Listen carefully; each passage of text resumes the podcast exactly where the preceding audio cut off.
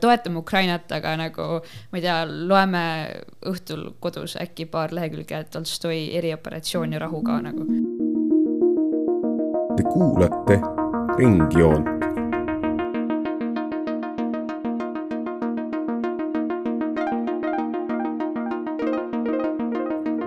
joon ringis. ühesõnaga, räägime alustuseks ühe ägeda loo. omal ajal, kui Vladimir Putin ja tema valitsus siis Venemaale ametisse sai, korraldati selle jaoks uhke tseremoonia. kuulsin täna sellist juttu, et äh, väidetavalt oli sellel tseremoonia, see on täitsa uuritud, äh, et sellel tseremoonial oli ka eeltseremoonia, kus siis oli kohal ka Vene õigeusu kiriku pea. ja õigeusu kiriku pea ei siis õnnistanud mitte Putinit, mitte tema valitsust, vaid kaasas olnud tuumanuppu. Head naistepäeva vot selliste toonidega me alustame täna siit stuudiost, on kaheksas märts ja kolmeteistkümnes sõjapäev Ukrainas. Ukraina linnu pommitatakse ilma sihita, pihta on saanud nii elanikud kui ka kaunid arhitektuurimälestised ukrainlased ise on aga neljapäeva ootusest, sest siis võõrustab Türgi välispinnal toimuvat neutraalset kohtumist Ukraina ja Venemaa vahel. Täna liigume aga Ukrainas toimuvast pommitamisest pisut eemale ning vestleme maailma reaktsioonist ning olukorrast Venemaa tagalas. minuga on stuudios Saskia Lehtsalu, kes on tegelikult puldis, aga kindlasti ta mõne sõna siin saates täna vahele ütleb. Karl-Philipp Lanter-Eintam. tere! ja Richard Kask tere, tere! kes siis ka selle äh, huvitava lookese meile täna siin alguses rääkis. aga hakkame ka pihta, alustame maailma reaktsioonist. millised riigid on mis moel sõjale reageerinud ja kes on veel valmis Venemaaga suhtlema? Äh, Richard, kas sa tahad avada seda teemat natukene?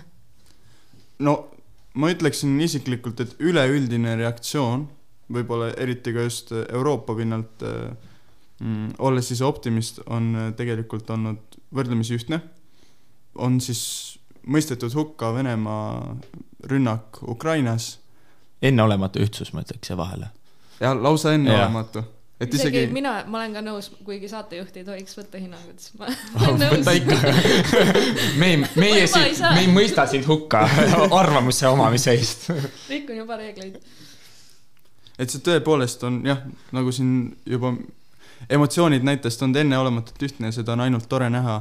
ja et see kuidagi kandub ka laiemalt, et kuigi, et noh, tegutsetakse ka Ukrainas, siis samas mõistetakse seda ohtu, mis Venemaalt võib tulla ja seeläbi näiteks tugevdatakse ka NATO-t, ma ütleks, et äh, no oluline. jutt on juba Euroopa Liidust kui ka kaitsefunktsiooniga liidust olnud äh,. räägitud on ka näiteks Charles Michel äh, Euroopa Ülemnõukogu eesistuja ütles ka, et see, et tegu ei ole siiski ainult atakiga Ukrainale, tegu on siiski atakiga meie kõigi demokraatliku ja võib-olla lausa liberaalse siis äh, maailmapildi eest.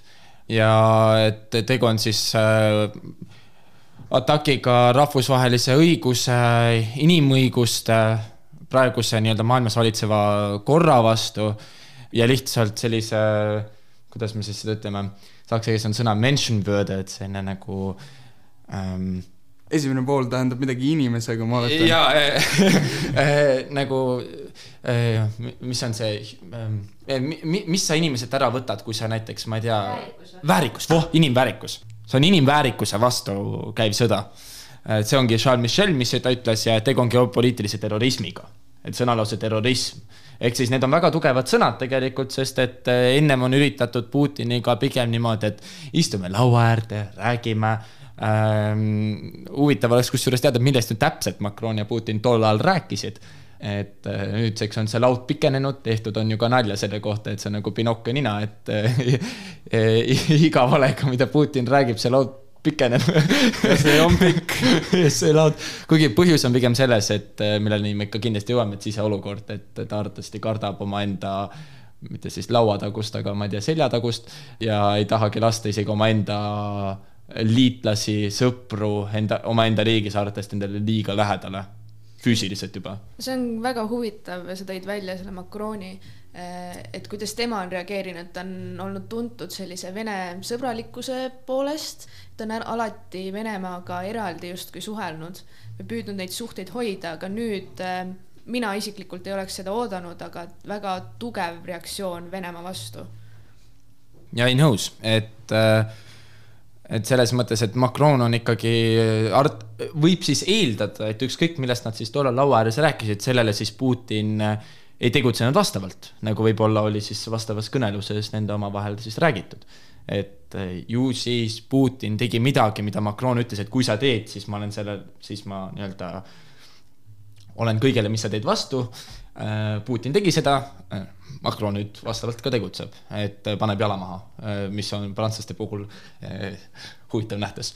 ja no ja sama on ka Ühendkuningriikides on nagu tore näha, et Boris Johnson, ma pean isiklikult ütlema, nagu me ka siin enne saadet rääkisime omavahel, ei ole just mulle kõige võib-olla sümpaatsem poliitik, aga seda võib-olla sümpaatsem on seda, see tema nii-öelda samm, et ta on siiski, ta on nüüd Eestis käinud, ta on äh, äh, siiski nii-öelda väljendanud oma äh, ütleme siis Putini vastasust ja seda üsnagi selgete sõnadega, väga selgete sõnadega.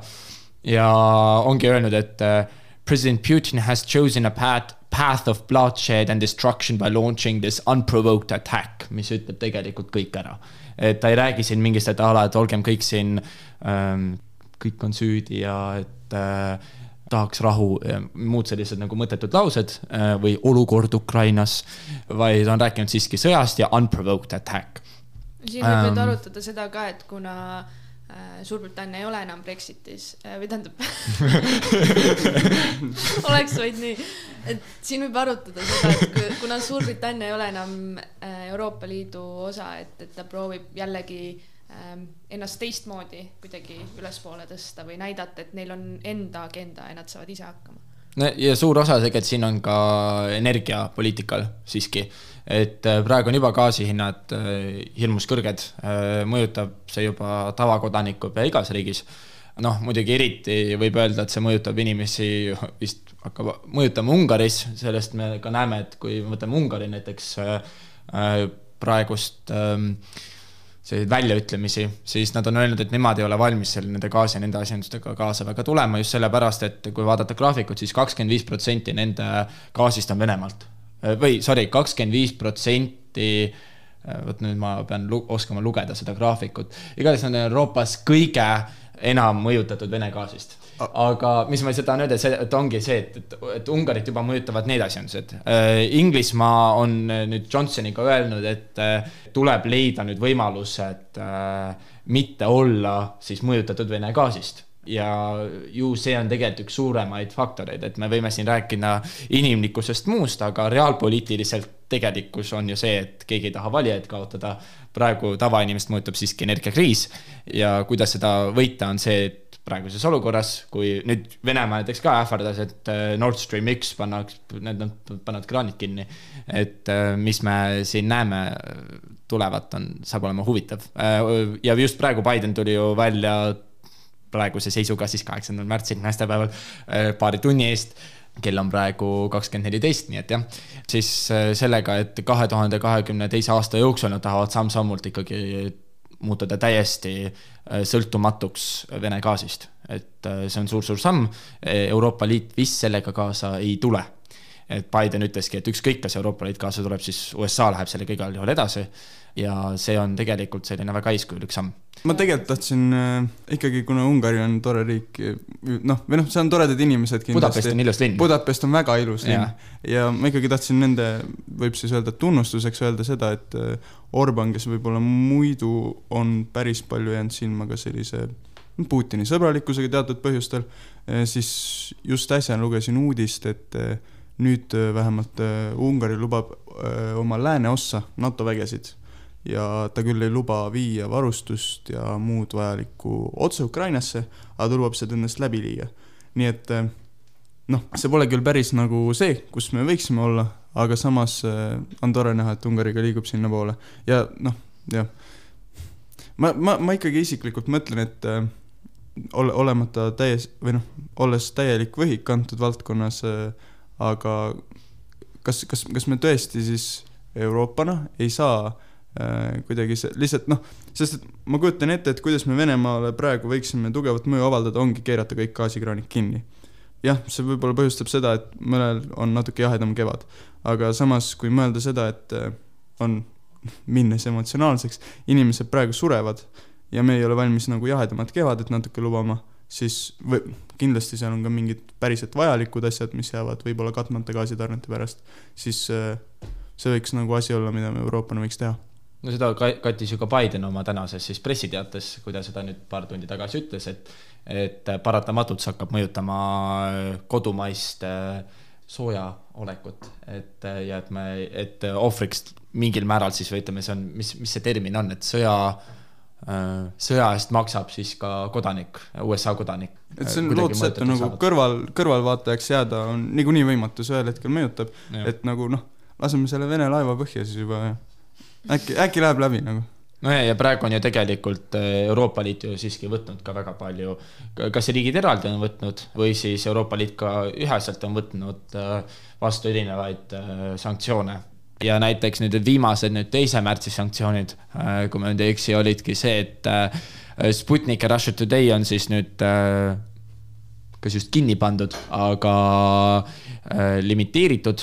Vene pangad, seitse tükki nüüd äh, selle viimase järgi on SWIFTi süsteemist äh, välja lülitatud ja Valgevenele siis on ka äh, erinevad sanktsioonid peale pandud, mis saab kusjuures ka huvitavalt mõjutama, sest et äh, seni ju väga paljud produktid jõudsid Venemaale läbi Valgevene. näiteks Norra kala, mida nimetati järsku äh, Valgevene kalaks, huvitav on lihtsalt see, et kust Valgevene, kes ei ole üldse mere ääres, järsku sai mereäärseid kalu. aga et noh, niimoodi Sai. need produktid, on ju, sai ikka, kuidagi ikka sai. Need levisid äh, Venemaal, et, et mis nüüd saab, kui ka sanktsioonid Valgevene vastu lähevad, et äh, Putin ju arvestas sellega, et tema majandus on kaitstud sanktsioonide vastu mingil määral. seda sõda alustades, arvatavasti midagi ta pidi mõtlema. ja nüüd, kus sanktsioonid ikkagi vist väga tugevalt löövad, et ta, see on talle vist natukene liiga suur šokk.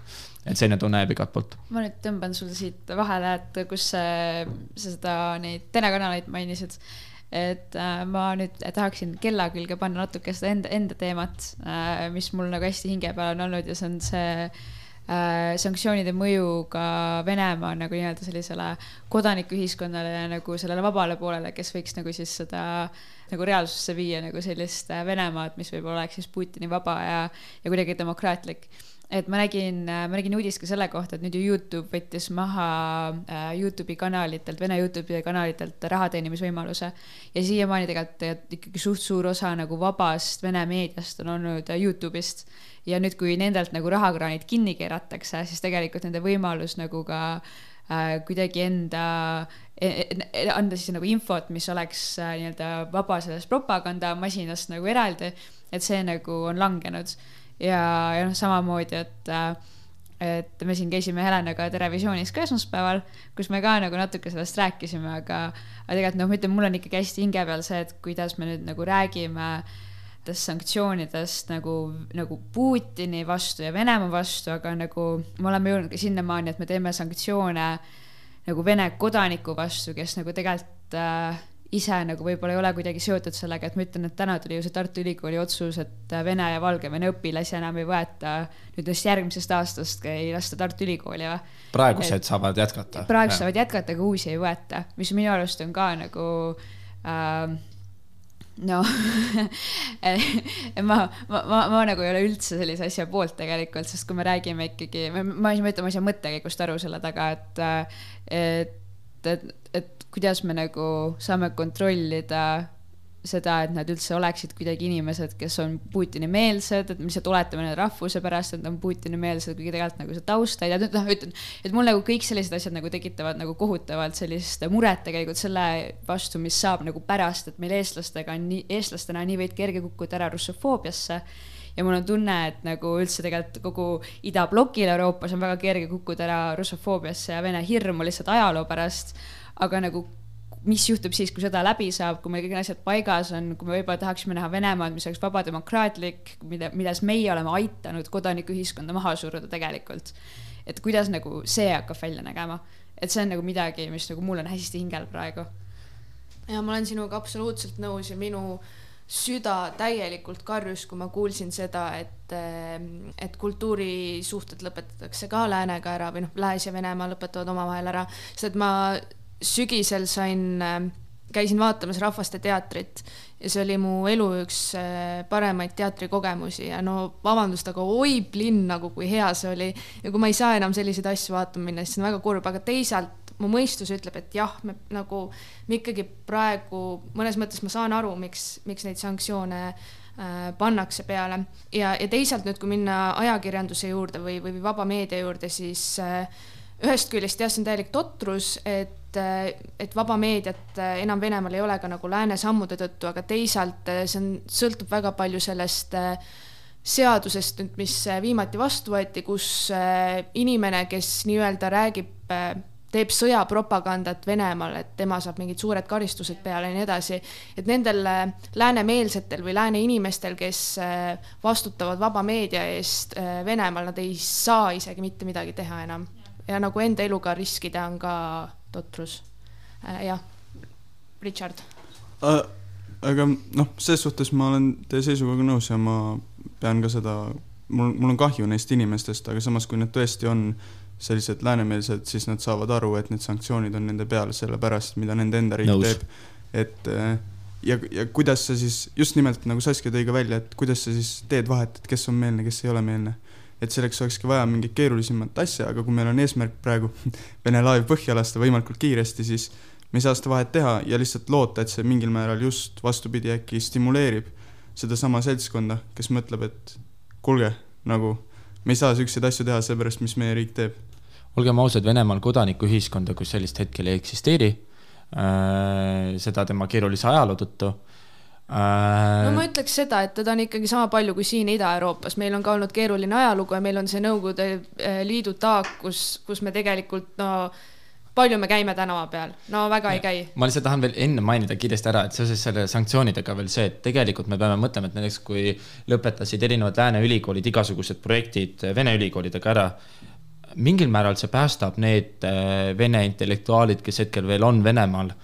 Äh, sellepärast, et kui nad ise tõmbaksid ennast sellest projektist välja, see oleks nagu halb. Äh, kui, kui nad jätkavad seda, see on ka halb neile endale, sellepärast et mis on praegu Venemaal tavaline, on see, et ükskõik millises sellises projektis sa kuskil välismaalastega oled, sa oled agent. sa oled välisagent sind tembeldatakse välisagendiks ja ülilihtne oleks praegu sõjaolukord või vabandust, erioperatsiooni olukorras, kuidas seda nüüd iganes Vene poolt peaks tähistama äh,, oleks kerge neid äh, ja nüüd, kus sõda on keelatud ja kõik sellised teemad nagu äh, äh, rahvavaenlasteks või mis iganes nüüd see peaks see õige termin olema, Venemaa vaenlasteks, reeturiteks, neid tembeldada. et mingil määral äh, võtta ära nii-öelda see võimalus neil on äh, neil natukene kergem, nad võivad ehk natukene nüüd niimoodi ohata, et vähemalt nemad ei pea mingeid samme tegema, nemad on sellest välja tõmmatud. et see on võib-olla see natukene teine vaade, see on võib-olla selline nii-öelda äh, vaade sellele, et, äh, et let's look at the bright side of it, aga. jah, ma olen nõus, aga vaevalt, et nad kergelt ohkavad ei, kergelt nad ei ohka, praegu mitte keegi Venemaal kergelt ei ohka Äh, vastavad ringkonnad on hetkel täiesti endast väljas, kui me vaatame, minu arust Postimehes ilmus ka või see oli Eesti Ekspressis mõned päevad tagasi selline väikene kokkuvõte erinevate kultuuritegelaste äh, arvamustest ja nii-öelda sotsiaalmeedia sellistest outburst idest, siis need on ju tegelikult valdavalt siiski suuresti väga Venemaa kriitilised. Ähm, ja, või noh, vähemalt selliste nii-öelda jah, aga mida, mida on kurb vaadata, on see, et Venemaa enda kodukootud ja väga seni veel toiminud äh, ähm, ütleme siis kana, infokanalid nagu näiteks Dožd, Rain TV nii-öelda nagu nad inglise keeles ennast nimetavad äh,, panid ennast kinni et äh, ma veel olin siin mõned päevad tagasi mõelnud, et kui hakati nii-öelda Vene telekanaleid sanktsioneerima, et aga Teliale võiks tegelikult teha või teistelegi Eesti nii-öelda Eestis tegutsevatele meediaettevõtetele ettepaneku, et just Doždi võiks teha nagu tasuta vaatamiseks, hetkel ta oli äh, eraldi, eraldi pidi teda võtma mingi paketiga minu teada äh,. siis nüüd pole sellel minu ettepanekul enam mingit mõtet, sellepärast telekanal pandi kinni suure skandaaliga muidugi, et tuligi telekanali omanik tuli ise eetrisse ja ütles, et suure kahetsusega, et paneme kinni, et äh, kuna me ei saa enam asjadest rääkida, nagu nad on no ma selle kohta, et seal ei ole kodanikuühiskonda, tahaks nagu öelda vastu seda, et minu arust seal ikkagi nagu selliseid organisatsioone, kes on nagu astunud Putini varvaste peale või kanna peale või kuhu iganes on olnud küll. et kui me räägime just nendest sõdurpoiste emadest, kes on nagu hästi suur liikumine olnud, on ju. ja aga ta ei ole nagu- organiseeritud liikumine. jaa, aga nagu mis on samm, mis, mis, mis oleks parem samm saada organiseeritud liikumiseks kui see, et sul nagu pojad surevad kuskil mõttetus erioperatsioonis no, nagu. ja arvestades, et täna on naistepäev, siis äh, millest algas veebruari revolutsioon äh. täpselt sada viis Jaa. aastat tagasi, nüüd kui ma oskan arvutada, siis äh, oligi see, et naised läksid tänavale suuresti, et äh, kui praegu oleks sama, oleks ju väga tore, paraku me näeme, mida teeb äh, sada viis aastat tagasi said sa relvade eest ära joosta tänapäeval need, need võimalused, kuidas piiratakse juba nende eelmiste protestidega, kui ei saanud äh, Vene valimistel, sisevalimistel inimesed äh, ennast nii-öelda nimekirjadesse panna, poliitikud. selle peale vallandunud demonstratsioonid olid suurimad viimasel ajal Venemaal. kuidas need laiali peksti, ümber piirati, neil ei lastud liikuda strateegilistesse kohtadesse. Need võimalused on nagu tänapäeval siiski niivõrd suured igasuguste nende ähm, Omoni ja kõikide nendega, et ähm, ja see on brutaalne ja inimesed saavad sellest aru. Ja praegu siiski riik on sõjas, saadakse aru, ükskõik kuidas me seda ka ei nimeta Venemaal, erioperatsioon või mis iganes, kui nad keela-, keelustasid sõna sõda ära, siis mille vastu sa täpselt protestima tuled, kõiki vahistatakse põhimõtteliselt, isegi suvalisi inimesi, kes lihtsalt mööda kõnnivad. inimesi näpsat-, napsatakse kuskilt eh, metroost ja nii edasi, kes lihtsalt liiguvad nii-öelda siis vastavate julgeolekuorganite meelest vales suunas see võib ka olla, et sa lähed lihtsalt koju, aga kuna su kodu asub lihtsalt vales kohas sel hetkel, siis äh, sind napsatakse kaasa äh, ei. nagu, ma lihtsalt mõtlengi, et oota, mis see siis nagu loogika on, on ju, et sa, et kui me, kui me ütleme, et inimestel ei olegi nagu võimalik ka mitte midagi protesteerida, on ju, et ma ütlen siis nagu sellisel juhul noh, ega nad teevad seda ja inimesi on tänavatel ja istuvad vangides, sul mingi seitsme-kaheksa aastased istuvad vangis nagu, nagu vabandust, millest me räägime, on ju, sul mingi pildid nendest, kuidas nagu, mis, mis see oli mingi kaheksa-aastane, kes äh, vaatab, vaatas enda ema teisel pool trelle ja küsis, miks sa seal oled nagu, nagu teisel pool. et noh, et, et see, et see nagu, vaata ja mind, mind nagu tohutult häiribki nagu lihtsalt see osa, et ma ei suuda enda jaoks lahti mõtestada seda ma saan aru, me, me loomulikult meil on neid sanktsioone vaja, ma saan, ma olen täiesti nõus sellega, et nagu jumala eest vähendame neid gaasitarneid, on ju, ja, ja ma ütlen no,, mina, mina võin enda jope toas ka selga panna, kuigi noh, mul on ahjuküte, nii et see väga ei aita, aga no ühesõnaga, et, et, et noh, kõigi Eesti kodudesse ahjud on järgmine asi, mida meil tegelikult vaja on, on ju, aga noh, et, et ma, ma nagu sellest kõigest saan aru, aga samas nagu see ongi see pool ka, et äh, et Venemaal, kui me räägime hetkel, me räägime paleepöördest, on ju, ja kas see nagu aitaks midagi ei pruugi pikas perspektiivis No aidata. aga lühikeses Aga- perspektiivis võib isegi korraks no, aidata ja lühikeses pers- perspektiivis korraks, eks ole mm, -hmm. me teeme paleepöörde, aga see asi läheb ikka sama jamaga edasi, aga nüüd meil on kodanikuühiskond, mida on veel rohkem alla surutud. et see on nagu, ma ei tea, ma lihtsalt nagu mul, see koht, mul jääb endale lihtsalt lihtsalt meeletult hinge ja ma ei suuda seda kuidagi nagu läbi mõtestada, sest nagu noh, mida me siis nagu tahame, kas me ütlemegi, et Venemaa ongi loodusetu juhtum ja pätt päti järel kuni maailma lõpuni välja nagu, et noh, mis see nagu on ei no lootus sureb viimasena, aga, aga siiski äh, hetkeolukord on ikkagi väga raske äh,. suur osa nendest inimestest, keda me näeme praegu võtmas nii-öelda venelastena äh, sotsiaalmeedias sõna edasi, nad ei ela Venemaal suur osa neid kultuuriinimesi, nad elavad kas Saksamaal, Prantsusmaal, Ühendriikides, kuningriik, ühendatud kuningriigis, nad elavad igal pool mujal ja, ja seda juba alates üheksakümnendatest, kahe tuhandetest, kahe tuhande kümnendatest aastatest. väga paljud on lahkunud, ka praegu lahkuvad inimesed suurte kohvritega Venemaalt.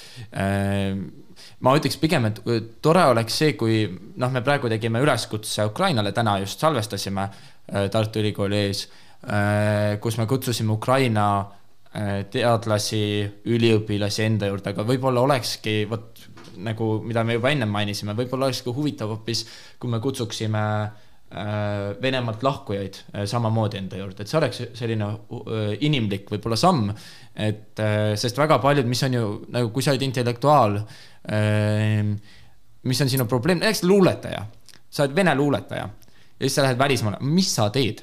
Luuletaja juba oma riigis on nagu ütleme siis kahjulik element selles mõttes näljas ja et, et ta ei suuda midagi muud teha peale oma endakeelsete luuletuste.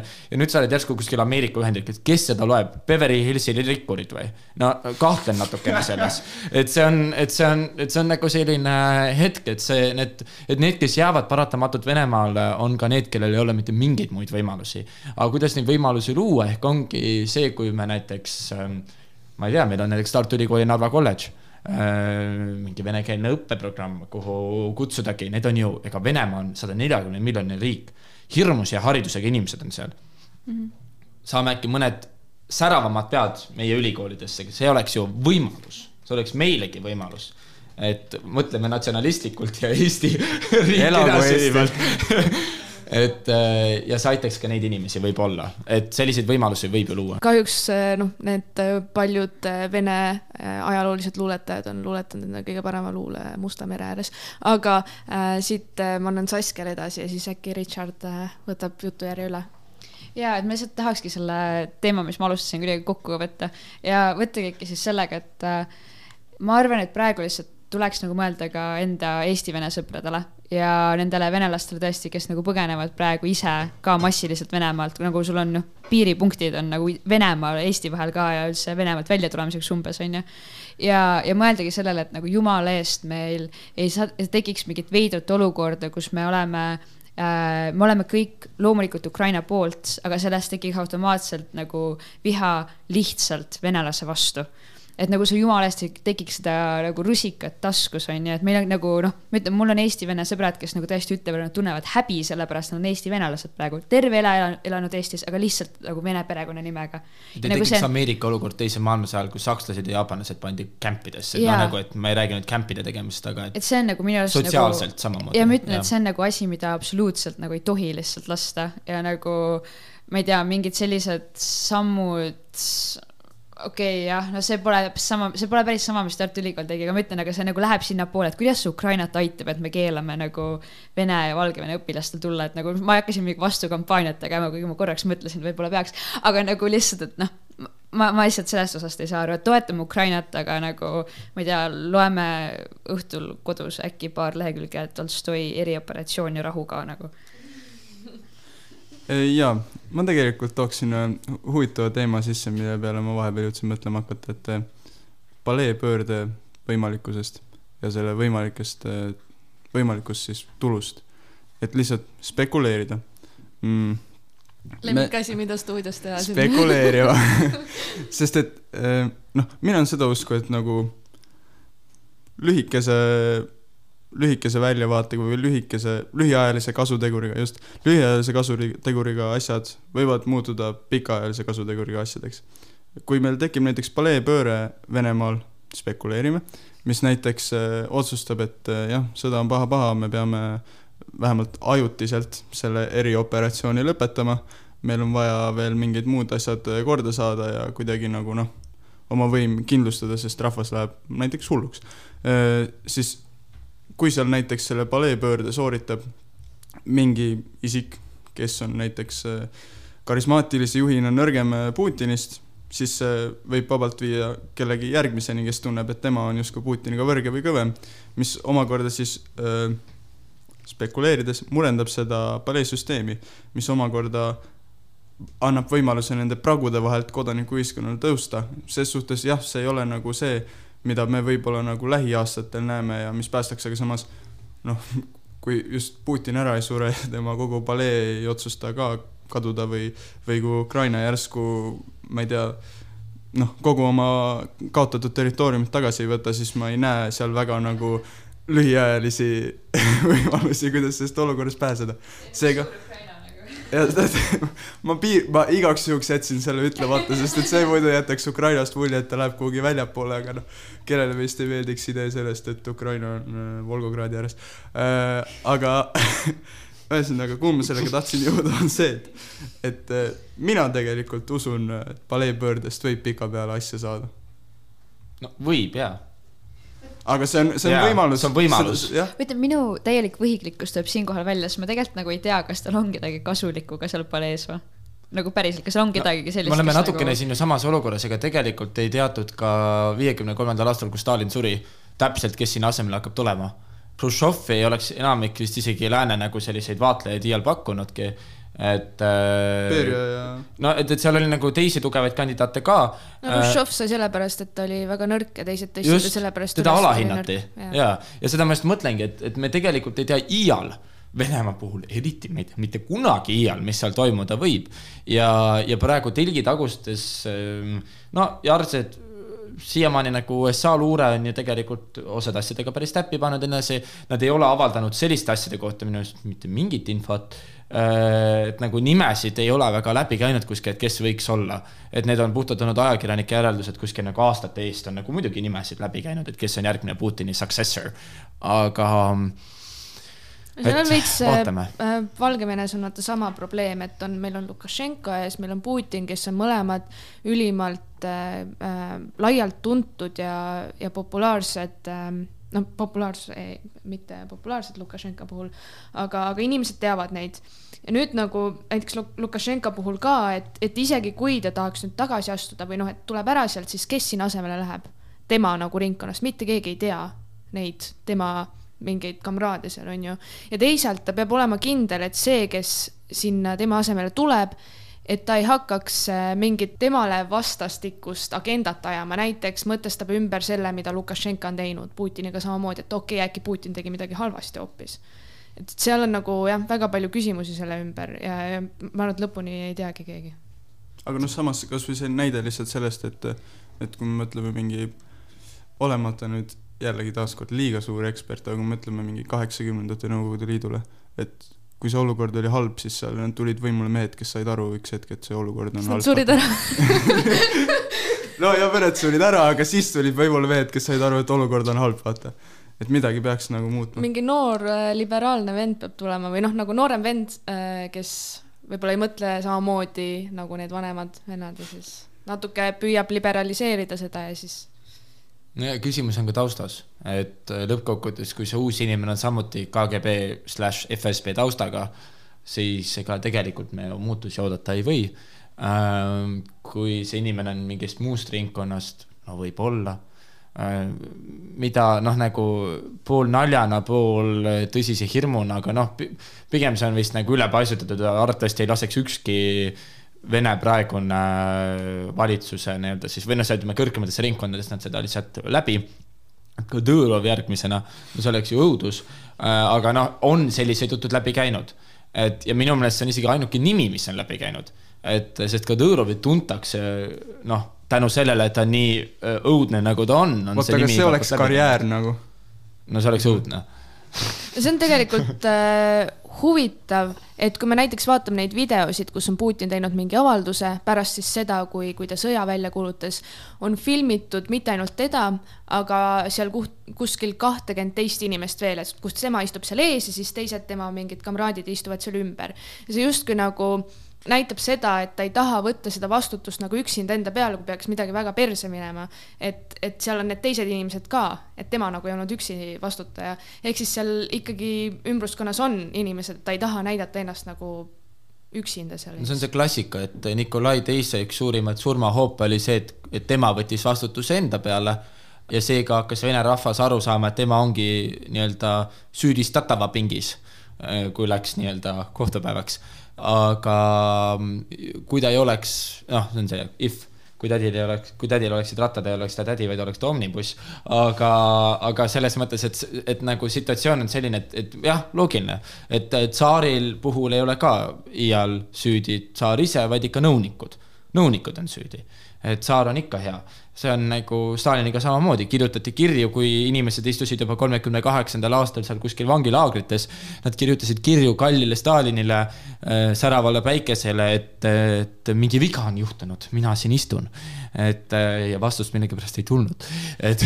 see on äh, Putiniga veel äh, kuidagi veel minna selle juurde, et ta püüab ennast distantseerida mõnes mõttes võimust, aga samas nagu näidata, et ta on väga karismaatiline juht. et tegelikult me räägime ju tema parteist, kuidas see eesti keeles on? ühtne Venemaa. ühtne Venemaa. et me räägime sellest kui Putini parteist hästi palju meedias igal pool, aga tegelikult äh, Putin ise ei ole selle liige juba väga pikalt. Äh, ja ta püüabki nagu, ta nagu hoiab seda parteid enda nagu võimul Hardes. hoidmiseks mm -hmm. ja et ta viib selle kaudu ellu programmi aga teisalt, kui sellel parteil peaks midagi väga halvasti minema, siis on jällegi, et ta, ma ei ole selle partei liige isegi, et ta nagu distantseerib ennast, et ta on selles mõttes nagu väga ja tundub, kaval. ja, ja tundub, et ta tekitab ju endale ka rõõmsalt neid igasuguseid asjalikke rolle, mitte asjalikke proovi saksa keeles äh?. proovi, proovi saksa keeles. ei, ei, ei, see ei ole saksa keeles, see oli väga, see on see, mis on see vajalik loll. Äh, mis see termin on, see on termin, mitte vajalik loll äh, tarvilik loll, funktsionaalne loll, mingi selline termin on. põhimõtteliselt tankist mõtled siis või? jaa, põmstankist, aga, aga nagu nad ei ole tankistid selles mõttes, et nad, ta on ikka nagu, see on otseses mõttes nagu vajalik loll, ütleme siis niimoodi äh,. kuni parema termini selgumise, selgumiseni Ehm, et eh, no näiteks see kosmonaut, see, keda kõik teavad, see üks naiskosmonaut, kelle nimi, noh, minul ei tule nüüd meelde. Eh, pole õige generatsioon vist. Eh, aga kes võttis sellist väga Putini ülistavat stantsi, et aeg-ajalt on sellised inimesed ka ju seal, kes nii-öelda tekitavad sellist, noh, lihtsalt natukene, ma ei tea, pindmist, segamist. et selleks see partei vist töötabki, et Putin on siiski ainuvalitseja Venemaal, et hetkeseisuga et äh, kas ta nüüd hull, kõik need igasugused viimased, viimastel päevadel on ilmunud ju hirmus palju diagnoose Putinile. kord on ta sotsiopaat, kord on ta psühhopaat, kord on ta lihtsalt püsti hull, kord ta on midagi muud.